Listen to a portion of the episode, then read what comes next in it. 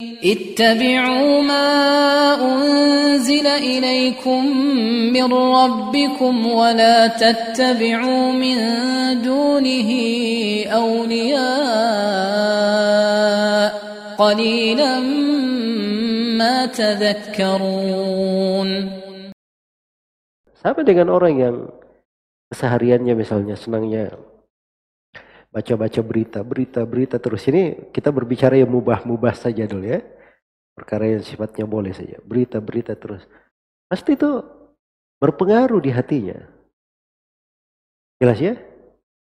Berpengaruh di hatinya. Dan kadang itu berpengaruh di dalam sikap-sikap kalau dia tidak punya kekuatan ilmu. Nah itu kata sebagian as-salaf ketika di masa fitnah katanya saya tujuh tahun tidak pernah saya tanya berita dan tidak mau menerima berita selama tujuh tahun. Dia selamat di masa itu. Jadi fitnah Hajjat bin Yusuf. Fitnah Ibn Ash'ad. Selamat. Ya, imam ini. Nama beliau Mutarrif bin Abdullah bin Syekhir. Yang mengukir dalam sejarah. Katanya di masa fitnah Ibn, Ibn Ash'ad. Tidak ada yang selamat kecuali dua orang. Al-Hasan Al-Basri dan Mutarrif bin Abdullah ini.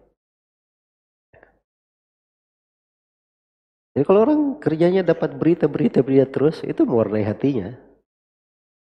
Bisa bercokol dalam hatinya. Nah itu seorang yang bagus membenahi dirinya, dia harus jaga hatinya ini apa namanya? WA, kantong, tempat penyimpanan. Jadi kalau masuk ke dalamnya, dia simpan sesuatu, khawatir sesuatu ini tidak mau keluar nanti atau suatu ini mengotori hatinya, sulit dia bersihkan di dalamnya. Maka jangan memasukkan suatu sembarangan ke dalam hati. Ya. Ini kita berbicara perkara yang mubah saja baca-baca berita. Apalagi kalau dia baca masalah fitnah, itu bukan mubah itu. Masuk ke makruh atau haram. Apalagi kalau yang dia lihat adalah hal-hal yang diharamkan. Jelas ya? Hal-hal yang diharamkan.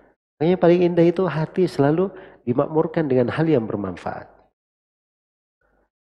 Paling tidak dalam satu hari ada ayat Al-Quran yang dia baca. Dia baca terjemahannya, baca tafsirnya.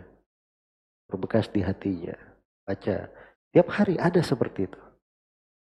Ketika dia baca dikir paginya, dikir sorenya, dia hayati maknanya. Itu berpengaruh di hati.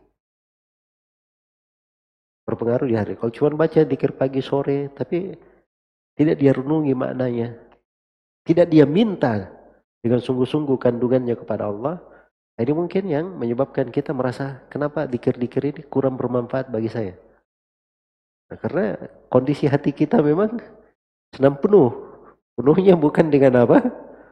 Kebaikan. Jadi kebaikan ketika masuk hatinya lagi penuh dengan hal yang sia-sia atau tidak berguna. Akhirnya kebaikan ini sulit untuk tinggal di situ.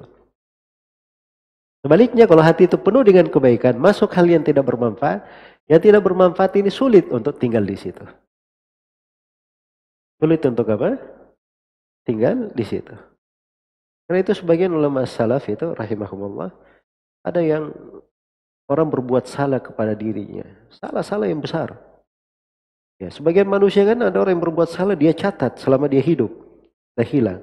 Ini sebagian orang berbuat salah, dia sudah lupa. Ya, minta maaf, kamu salah apa sama saya? Dia sudah lupa. Karena tidak ada tempat di hatinya untuk memikirkan hal yang seperti itu. Jelas ya? Baik. Karena itulah memperhatikan dari kondisi hati itu penting. Nah ini salah satu faedah yang kita petik di pelajaran tafsir ini. Ya, wallahu taala alam.